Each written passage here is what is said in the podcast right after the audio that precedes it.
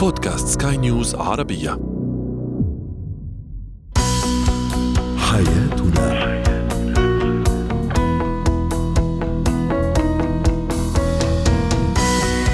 مستمعينا الكرام أهلا بكم معنا إلى حياتنا فضاؤكم اليومي الذي يعنى بشؤون الأسرة وباقي الشؤون الحياتية الأخرى والذي يمكنكم الاستماع إليه عبر منصة سكاي نيوز عربيه dot com slash بودكاست وباقي منصات سكاي نيوز العربية الأخرى.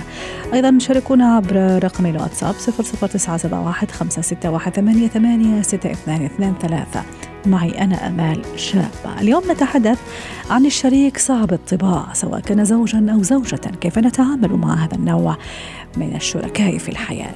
أيضا كيف أعلم ابني وابنتي الصدق؟ وأخيرا اتكات ارتياد الدوائر الحكومية.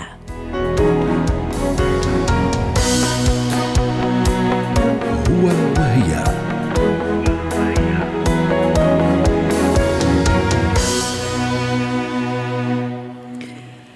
لا توجد علاقة زوجية تخلو من المشاكل والمشاحنات بين الشريكين، لكن الزيجات التي يواجه فيها الزوجان أو يسعى فيها الزوجان إلى إيجاد حلول هي الزيجات التي تعرف بأنها زيجات جيدة ولها على هذا الدليل على أنها علامة صحية لقوة هذه العلاقة. اليوم نتحدث عن الشريك صعب الطباع. كيف أتعامل مع هذا النوع من الأزواج والزوجات؟ رحبوا معي بالأستاذة لما صفدي الاستشارية النفسية والأسرية يسعد أوقاتك أستاذة لما. مساء النور. يا أهلا وسهلا. زوجي صعب الطباع. طباعه جدا صعبة. أو زوجتي صعبة الطباع. مش عارف كيف أرضيها. عنيدة أحيانا عصبية أحيانا أخرى. تختلق المشاكل من أبسط شيء. والزوج أيضا. يعني هذا حتى نختصر يعني صعب الطباع أو صعبة الطباع. هل هو فعلا كذلك ولا أنا مش عارفة أتعامل؟ أنا المفاتيح السحرية مش موجودة عندي. صحيح. نحن دائما لما بتصير معنا أي مشكلة خصوصا مع الشريك ننظر للحاضر. يعني هو حاليا هيك أو بأول سنة زواج خلينا نقول اللي هي أنا اكتشفت طبيعة طبيعة الشريك. نظريتي خلينا نسميها نظرية هي مختلفة. بأنه نحن المفروض لما يكون في شخص صعب الطباع حلل الموقف يعني هو ليش صعب الطباع هذا هل هذا الإنسان تربى ببيئة كان جدا مفتقر فيها للعاطفة فاللي عنده هو احتياج عاطفي؟ هل تربى ببيئة كان كل اللي حواليه بيعاملوه بنفس الطريقة؟ فالحل هو تغيير أسلوب التعامل. هل هذا الشخص عنده ضعف أو قلة ثقة بالنفس؟ فهو بحاجة إلى تعديل مفهوم الثقة بنفسه وتنميتها أكثر وأكثر. هل في سوء بالحوار ما بيني وبينه؟ فهو دائما يفهم الذي لا أقوله على أنه يعني مصطلح آخر. أولا اليوم هي رسالة لكل شخص لديهم شريك أو شريكة سيئة الطباع ما راح نقول سيئة سنقول صعب, صعب. نعم. فبالتالي أولا حللوا الموقف يعني حللوا شخصية الإنسان المقابل. ارجعوا بالذكريات لطريقة تربية الأم الأب كيف عائلتهم. وبعدها تلقائيا ستكون هناك وكأنها خطوط عريضة تبدأ بالظهور لطريقة التعامل مع الآخر. طيب يعني ما رأيك ست لما في الأشخاص لما يكون الزوج أو الزوجة صعبة الطباع أنه دائما يحاول أنه يكسب رضاه أو رضاها. هل هذا صحيح في هذا النوع من الشخصيات أو التعامل مع هذا النوع من الشخصيات ولا لا؟ ممكن أحيانا يعني ما أتبع رأيه أو رأيها على حساب رايي وأهم شيء راحتي يعني وقناعتي. صحيح. نحن بمفاهيم التواصل مع الآخرين كل شخص هو لديه أسلوب للوصول إليه. يعني أنت ممكن اليوم اعطيكي مثال ممكن أنت بطبيعتك تكره الأشخاص اللي بيتكلموا بأسلوب عالي ولكن لو الشخص تكلم معك بأسلوب ذو طبقة متوسطة ممكن يأثر فيكي ممكن أنا كشخص مثلا دائما بحب الشخص لما بيتواصل معي يكون في تواصل بصري. أكره الشخص اللي بيكون عم يحضر مثلا شيء على التلفزيون وفاتح حديث مهم وهو بيعتبر بأنه لازم ناخذ قرار. فاذا كل شخص فينا لديه مفاتيح التواصل. هاي نقطة جدا مهمة بأنه هون المفروض مش أنه أنا أضع نفسي أمام خيار أنفذ كل طلباته أو لا أنفذ.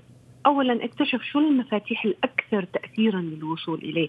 يعني هل هذا الشخص مثلا لو أنا فعلا نفذت اللي هو بيطلبه بلحظة عصبيته فهالشيء بخليه هو يكون أكثر مرونة في المستقبل ولا رح يزيد سوء كلمة صعب الطباع هي يعني بيندرج تحت ممكن يكون 100 نوع من الطبع ولكن بالمحصلة يقال أمام الآخرين أنه صعب الطبع. صحيح. فلا بد إنه أنا أشوف هو من أي نوع من الأنواع صعب الطباع أو ما الطريقة الأمثل للتواصل معه. في أشخاص لما بيعصبوا بحبوا بإنه الآخرين ينصتوا. يعني ما يكون في جواب حتى لو هو غلطان. صحيح يعني أنا اليوم معصب فلو سمحتوا أنتوا أسكتوا خلاص خليها مو- لحتى تهدى العاصفة صحيح تهدى العاصفة بعد أنا انشاء إنسان ممكن أتناقش وأتكلم فإذا لابد إنه نكتشف هو من أي تايب هو من أي نوع فبالتالي يسهل علي الوصول إنه يكون في بيني وبينه هذا الجسر نحو علاقة تكون أصح. صحيح. وطبعا اللي يقال على الزوج صعب الطباع هو نفسه ما يقال على الزوجة صعبة الطباع ولا أيضا يمكن هون في اختلافات يعني خلينا نقول لأنه سببها أيضا تكويني ك- كتكوين شخص تكوين تكوين عفوا شخصية الزوج أو الزوج يعني. صحيح. أحيانا يمكن نرجعوا بنرجعوا للمجتمع ما إنه شوي المجتمع ممكن يكون ذكوري أو في سلطة الذكر ببعض المجتمعات العربية فبنشوف دائما الصيت يذهب أكثر مم. بانه صعب الطباع والمرأة دائما هي المتحملة الصابرة. هذا السيناريو حتى الإعلام بيصور لنا إياه بأغلب الأعمال الدرامية فبتشوفي بأنه هو يمكن انعكاس للمجتمع. ولكن نحن بنقول بأنه الشخص صعب الطباع. أنا بشوفه شخص مظلوم لأنه هو شخص لم يستطع أحد تدريبه على أساليب صحيحة للتعبير عن نفسه. فامتهن أسلوب ممكن يكون صعب جدا للآخرين ولكن هو يرى نفسه فيه بأنه هو لا حول ولا قوة. واحيانا يكون يعني ميكانيزم دفاعي ما أدري إذا توافقين الرأي يعني هذه هذه نقطة أنا استوحيتها من هذه الفكرة تبعك إنه هو شخص ممكن مظلوم أو مغلوب على أمره. ممكن هذا ميكانيزم دفاعي حتى يدافع على شيء ممكن على ضعف معين موجود عنده على نقص معين موجود عنده فيضطر لإظهار هذا الطباع الصعبة. صحيح صدقتي. فعلا هو مزبوط تماما ما تفضلتي به واللي شو اللي بيصير؟ أعطيكي مثال لو كان الرجل عنده قلة ثقة بالنفس كل حياته عاش بألفاظ سيئة من الأب والأم احتياج عاطفي لم يتحقق. لما بصير عنده زوجة وبحس إنه هو عنده إحساس وكأنه أنا الوصي أنا المسيطر أنا اللي ممكن هيك طب ممكن يكون آه سيء الألفاظ ممكن يكون آه، شخص عصبي جدا جدا. ممكن يكون آه يعني من الأشخاص المؤثرين. يعني تخيلي أعطيكي شوي مثال واقعي ذكرته الصحافة. بحياة الأميرة ديانا كانوا يقولوا زوجها كل ما كان يشاهدها ترتدي ملابس جميلة كان يطلق عليها ال- الكلام السلبي الجارح حتى تبدأ في البكاء. لو حللنا الموقف من جانب نفسي واللي ذكرته الصحافة والإعلام هذا الموقف هذا الشخص يمكن يكون عنده قلة ثقة في النفس ولكن هو لم يستطيع أن يتحاور مع الشيء الموجود أمامه ويعطيه قيمته فممكن يلجأ إلى الألفاظ السلبية ليعبر على أنه هو يشعر في الغيرة. فإذا هون نطلقها حتى في كثير من السيدات تقول بأنا زوجي أحيانا يعني بيتلفظ بكلام بذيء أو ردة فعله غير متوقعة. هذا شخص لا يستطيع التعبير عن نفسه بشكل جيد. وحتى نختم ست لما ممكن رسالتنا اليوم لأي زوج يعاني من آه، شريك أو زوجة تعاني من شريك عنده هذا الطباع الصعبة ومش عارف كيف يتعامل. حتى نختم معك. صحيح. النصيحة الأخيرة ارجعوا إلى العائلة إلى التكوين وسووا دراسة بسيطة كيف الأم الأب بيتعاملوا كيف هم تعاملوا. رح تحطوا إصبعكم على الجرح سنجد السبب. كون زوجي صعب الطباع من هما يبدأ الحوار. نقطة ثانية تشيل المفاتيح أو اكتشف للوصول. يعني مثل ما تفضلنا هل هو التواصل البصري التواصل الحسي؟ تقنيات التواصل ممكن أي إنسان يق- يعني يطلع عليها ببساطة بأي مكان. وبعدها نبدأ باستخراج حلول ولكن الصمت والسكوت الدائم وتمريق المواقف دون حلول هو أكيد ليس آه، حل لاستمرار حياة زوجية بين شريكين. شكرا لك لما الصفدي الاستشارية النفسية والأسرية ضيفتنا من دبي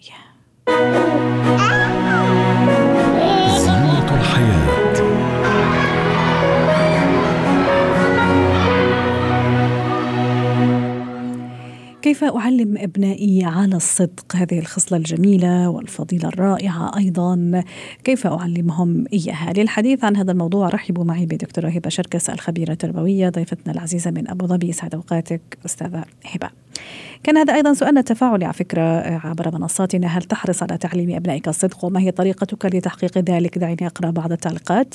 تعليق يقول إذا قال الصدق أعفيه من العقاب وأحاول أن أوفي بكل الوعود التي قطعتها له وأن أكون حاسما في قراراتي معه. مها, مها تقول كن أنت القدوة. وأخيرا محمد يقول الصدق من خلال تصرفاتي أنا كأب وأيضا من خلال تصرفات والدته. أنا راح أبتدي من تعليق مها القدوة. نعلم جميعا أن الطفل يتعلم بالقدوة وليس طبعا بالكلام والمحاضرات اللي ممكن نعطيها إياه آه، يوميا. كيف أكون أنا قدوة لابني أو لبنتي في آه، يعني في تلقينه وتعليمه الصدق؟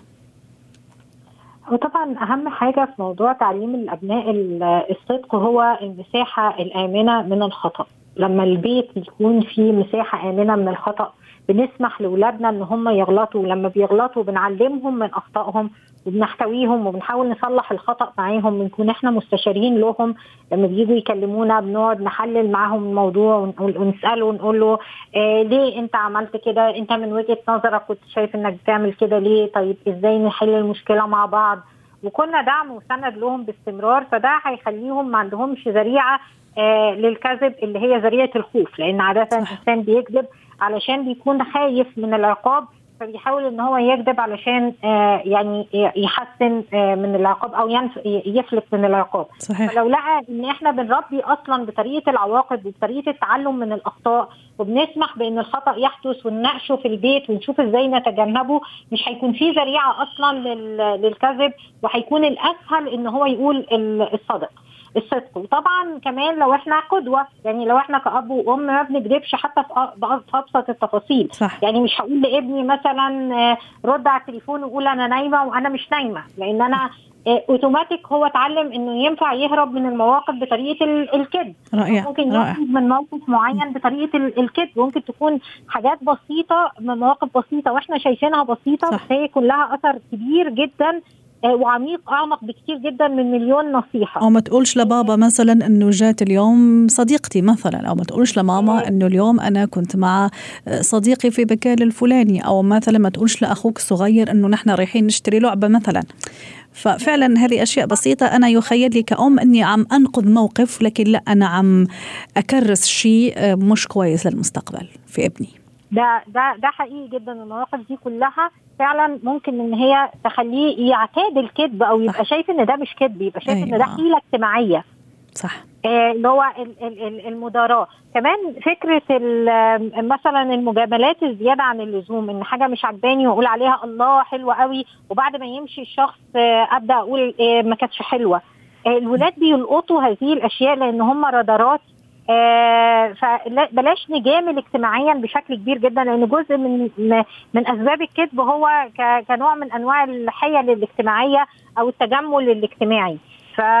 فبرضو إحنا كأهل كقدوة مش المفروض إن إحنا نجمل ونبالغ في المجاملات آه، الاجتماعية لأن هي ذريعة آه، للكذب. آه، دي نقطة برضو مهمة وبيحصل عنها ناس ناس كتير. آه كمان في كذب آه لأن الشخص بيبقى عايز يحسن من شكله. يعني مثلا يجي يقول لي أنا جايب أعلى درجة في الصف. هو أنا ما كنتش هعاقبه لو هو جايب مش أعلى درجة في الصف بس هو عايز يكبر من نفسه. صح. أنا أشطر واحد في, في, مثلا في الرسم. آه أنا المدرس قال لي كذا فالكلام ده لو لقيت ابني بيكذب كذبات ملهاش أي مبرر غير إن هو يعلي من نفسه معناها إن هو محتاج تعزيز للثقة بنفسه. ولازم أبدأ أساعده إن هو يكتشف الحاجات الحقيقية الإيجابية اللي موجودة جواه ويعرف نفسه بيها. ولازم أمنحه مكانة مميزة في البيت بما يستحق. يعني ممكن يكون هو شاطر في الرسم فأقول إن هو يعني أحسن واحد بيرسم في أخواته. آه لكن مثلا فلانة دي أكتر واحدة لبقة اجتماعيا.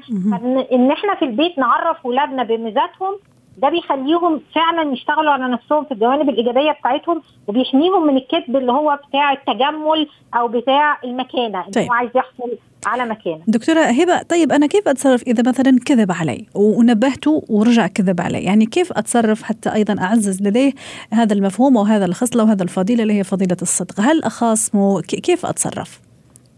أبدأ أتكلم معاه وأقول له أنت عايز تبقى صادق ولا لأ؟ م. أنت شايف إن الطريقة الأسهل إن أنت تكون صادق أو الأفضل إن أنت تكون صادق بس أنت مش عارف تكون صادق بتتردد بتخاف بتلاقي الفكرة سيطرت على دماغك فجأة خلينا نتفق في البداية يعني أنا ده كلامي معاه خلينا نتفق في البداية أنت عايز إيه؟ أنت عايز تكون شخصيتك إيه؟ عايز تكون صادق. كمان ممكن إن أنا أحببه إن الإنسان لما بيصدق ويتحرى الصدق بيكتب, بيكتب عند الله صديقا يعني ربنا سبحانه وتعالى بيشهد على صدقك وبيقول للملائكة إن فلان ده صادق. وفي نفس الوقت أيضا والله انت أثرتي نقطة كثير مهمة ست هبة. يعني أتمنى إنه أيضا تعطيني رأيك فيها على يعني طبعا كل الأديان السماوية آه، تشجع وطبعا فضيلة الصدق هذه دائما يعني تركز عليها. ربطها أيضا بهذا الجانب الديني. فعلا إذا أنت كنت صادق ستكتب صديقة وعندك أجر وكذا كذا. لكن العكس أيضا أحيانا نخوف الإبن ونرهبه إنه راح يصير لك كذا وكذا. وكذا وكذا وراح تدخل النار وراح يصير لك. فاتصور هذه فيها أيضا شوية ترهيب للولد مش قادر يستوعب شو شو عم يصير يعني. لا مش لازم نرحب الأولاد طالما في طريقة للترغيب ولأن إحنا لسه في خطوات تعديل السلوك. فإحنا في البداية بن بنرغبه في إن هو أنا عايز أخلق له هدف. أنت عايز تبقى صادق بس في حاجة بتمنعك بتخاف مثلا تيجي تقول لي على درجتك عايز تحس إن أنت مكانتك كويسة بتاع لا لا أنا قصدي كمعتقدات دينية أنا قصدي. مثلا إذا قلت الصدق ستكتب صديقة ربي راح يعطيك أجر كبير وكذا وكذا. لكن إذا العكس ممكن ستعاقب ممكن ستدخل النار. هذا لقصدي يعني هو عقله صغير جدا لا يستوعب هذا الشيء. لا هو طبعا إحنا ممكن نرغب الأطفال. يعني نقول له بلاش نتكلم في في الأعمار الصغيرة عن الجنة والنار والغيبيات. بشكل كبير. آه، لكن إن إحنا نربطه بإن ربنا سبحانه وتعالى بيحب الصادقين وإن ربنا سبحانه وتعالى آه، بيثني على الصدق وإن الرسول صلى الله عليه وسلم كان الصادق الأمين. في كل الديانات في نماذج للصدق ممكن نحكيها له. آه كمان إن إحنا نكسبه الشجاعة الأدبية. نقول له يعني إيه شجاعة أدبية؟ يعني واحد يعمل غلط ويجي ويعترف بيه. واحكي له قصة عن الشجاعة الادبيه إن مثلا أنا مرة خبطت سيارة حد وفضلت واقفة مستنية لغاية لما رجع علشان أقول له إن أنا اللي عملت كده أو سبت البطاقة بتاعتي آه على على السيارة بتاعته علشان لما يجي يتواصل معايا وحطيت له مثلا رسالة اعتذار. فأنا أنا شو عندي من الشجاعة إن أنا أعترف بأخطائي وأتحمل تبعاتها وأصلح الحاجة الغلط اللي أنا عملتها. ودي صفة مثلا أنتوا لازم تتحلوا بيها. كل دي وسائل ممكن تدعم الصدق في البيت يعني. نعم. شكرا لك دكتورة هبة شركس الخبيرة التربوية ضيفتنا من أبو ظبي. يعطيك العافية. اتكات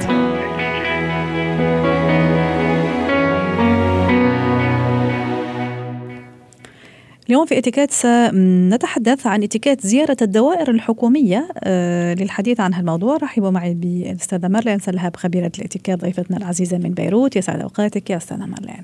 أنا رايحة لدائرة من الدوائر الحكومية. أهلا وسهلا فيك لا وزارة لا أي شيء يعني أي دائرة حكومية. لأخلص معاملة معينة أو أتابع معاملة أنا أوريدي آه، يعني آه، عم تابعها يعني. ما هو اتيكيت يعني ارتياد الدوائر الحكومية؟ حتى أخلص أنا معاملات. وأكيد في ناس موجودة قبلي في ناس راح تيجي بعدي في هذا الدائرة الحكومية في مسؤولين في موظفين. أعطيني كذا كيف أتعامل أنا من ساعة ما أدخل لغاية ما أطلع ومكون مخلصة معاملتي واحيانا ما أخلصها أحيانا تؤجل أيضا. نعم نعم نعم. ما في شك إنه نحن بنعرف إنه بهيك مؤسسات بهيك دواير بيبقى في كثير عجقة. صح. وبيحصل كثير مشاكل لأنه بتلاحظي إنه آه، لأنه العجقة بتخلق فوضى. ولما بيكون في فوضى بصير في قلة هدوء بصير في آه باردون يعني قلة نظافة كمان قلة ترتيب. نحن كأشخاص حابين إنه معاملتنا تخلص بأسرع وقت أضبط طريقة لإلنا هي الاتيكيت تبعنا. يعني بلطافتنا نحن ممكن نحصل لو قد ما يكون الموظف معجوق. إذا الإنسان هو بيكون محضر وراءه. هيدي أول شيء. محضر الأسئلة اللي بده يسألها. معه كل المستندات اللي هو بعوزها. آه، هول بيسرعوا هو لإله شخصيا بيسرعوا إنه تخلص معاملته قبل غيره. هلا ما في شك إنه بالمؤسسات الكبيره صارت عم تنتبه إنه صار في إذا بتلاحظي مكانات بتاخدي آه نمر. يعني مشان لأنه الناس ما كانت تلتزم بالطابور وما يوقفوا ورا بعضهم. مشان هيك لاحظي بكل المؤسسات صارت الكبيرة بالمستشفيات بدوائر الحكوميه أكثر شيء عم بيعطوا نمر للانسان آه، اولا. اولا يتبع النمر تبعه وثانيا يصير عنده وقت يشوف هو شو بده لأنه أوقات كثير آه، ناس بتأخر بعضها لما ما بتكون مثل ما قلنا محضرة مستنداتها. رائع. الأهم الأهم هو الصوت العالي. إن كان عند الموظف وإن كان عند آه المراجع. يعمل الأوراق تبعه. نعم المراجع. يعني cellular cellular مش مفروض يكون آه الهاتف الجوالي. ولا جوال لازم يكون صامت.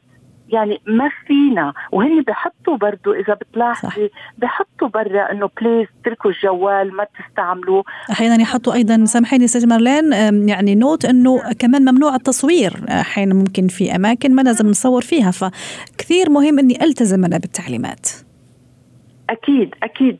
وبعدين لما أنا بلتزم بتعليمه معينة بتساعدني إني أنا أسرع بمعاملتي. هيدا اللي بعض الأشخاص إنه ما بدها هالقد لا بدها هالقد لأنه أنت إذا احترمت أنت آه وقتك آه وما أخذت وقت كثير هالشيء كمان رح يعكس على غيرك وما يصير هالفوضى القوية. دونك أهم شيء السيدولات مستنداتنا تكون حاضرة. ما في شك إنه آه ما نتجاوز قلة التهذيب مع الموظف. أنا ما عم بقول إنه كل الموظفين حيكونوا هن آه يمكن آه كثير متجاوبين. بس أنا إذا حتى الموظف إذا معصب لاحظي لما حدا الشخص بيطلب بشكل مرتب طلب اللي بدي إياه آه، بتلاقيه بي بيخدموه أكثر ما بيخدموا الإنسان اللي عم بيصرخ وعم بيعيط وعم بي عم بيتجاوز يعني آه، قلة المربى تبعه. هول أهم شيء ممكن نعمله. صحيح. هدول أهم شيء. وأنا أيضا بدي آه، قبل ما نودعك على خير لسه قدامنا يمكن دقيقتين نحكي على موضوع الثياب أيضا اللباس الهندام الأسلوب نعم. الطريقة. لأنه تصور نعم. يقال لكل مقام مقال أكيد لما نروح لدائرة حكومية غير لما أروح مثلا على يعني مناسبة معينة يعني. أليس كذلك ست مرلان بتعرفي آه، ستنا أنا قلت يمكن ما لازم أحكي بهالموضوع خفت من الوقت. أي. بس لا اليوم معنا وقت إحنا اليوم كريمين جدا معك وانت تستاهلي. الله يخليك الله يخليكي بكفي لك صوتك تسلمي آه، بصراحة آه، الشخص حضرتك بتعرفي يوجد شخصين انت ما بتعرفيهم. واحد ما تأخذيني منه مرتب منه ريحته طالعة. آه خلينا نكون واضحين. آه, آه، شكله ابدا منه لابس الثياب اللي بتلائم هيك محل. أنت بلا انتباه رح تنظري للشخص اللي مرتب حاله اللي مشط شعره اللي هو هندامه لهيك مؤسسات. يعني أنا بدي أكون أوضح من هيك. تعرفي أنه ببعض المؤسسات من الأفضل ما تفوت الواحد لابس مشاية إن كان ست ولا رجال. إنه مش لأنه أيام صيفية بدنا نحترم نحن كمان بعض مؤسسات. في مؤسسات فيك تفوتي عليها لابسة أنت مثل ما حضرتك بتريدي بس في مؤسسات ما فيك. أصلا لو لابس مثل ما نحن بدنا لازم يكون مرتب لازم يكون نظيف لازم يحترم ذاته. ما تحترمتي حضرتك ذاتك بتص... مش بس بتصرفاتك بشكل لأنه قبل ما تتصرفي وقبل ما تحكي رح يشوفوا شكلك من برا. وهيدا باسبور وصدقيني بينفع كثير صحيح رائع. ما في شك انه ما في شك إنه سؤالنا بتهذيب صدقيني بيجيك الجواب مهذب قد ما يكون الإنسان اللي مقابلك معصب. معصب صح. أه ست مارلين أيضا أكيد يعني في الدوائر الحكومية أه، أكيد في أماكن مثلا مخصصة للسيدات أماكن مخصصة للعائلات أماكن مخصصة لأصحاب الهمم أيضا. أه، قديش كثير مهم أيضا إني ما أتعدى على هذه الأماكن لأنه إلها أصحابها عندها ناسها. فاجلس في المكان المحدد لي ألتزم بالطابور.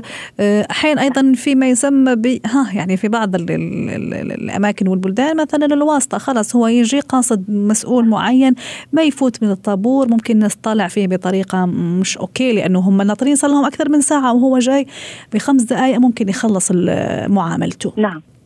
نعم. وهيدا الشيء كتير كتير مزعج للموجودين. قلة احترام أكثر من هيك للموجودين ما بيصير. إنه ناس واقفة صار لها ربع ساعة مثلا ساعة أوقات ساعتين يجي واحد لأنه عنده واسطة يقطع.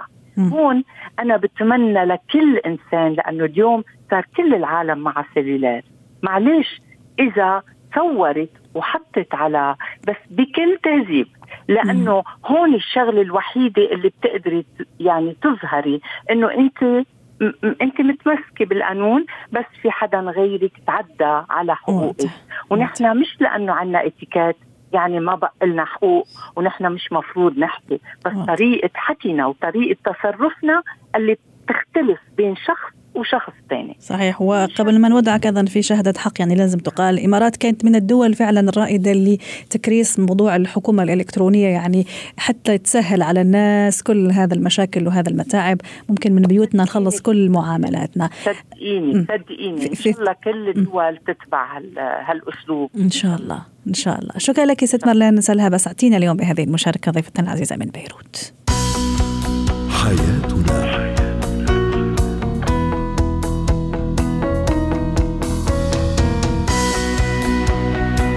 ختم حلقة اليوم من حياتنا. شكرا لكم وإلى اللقاء.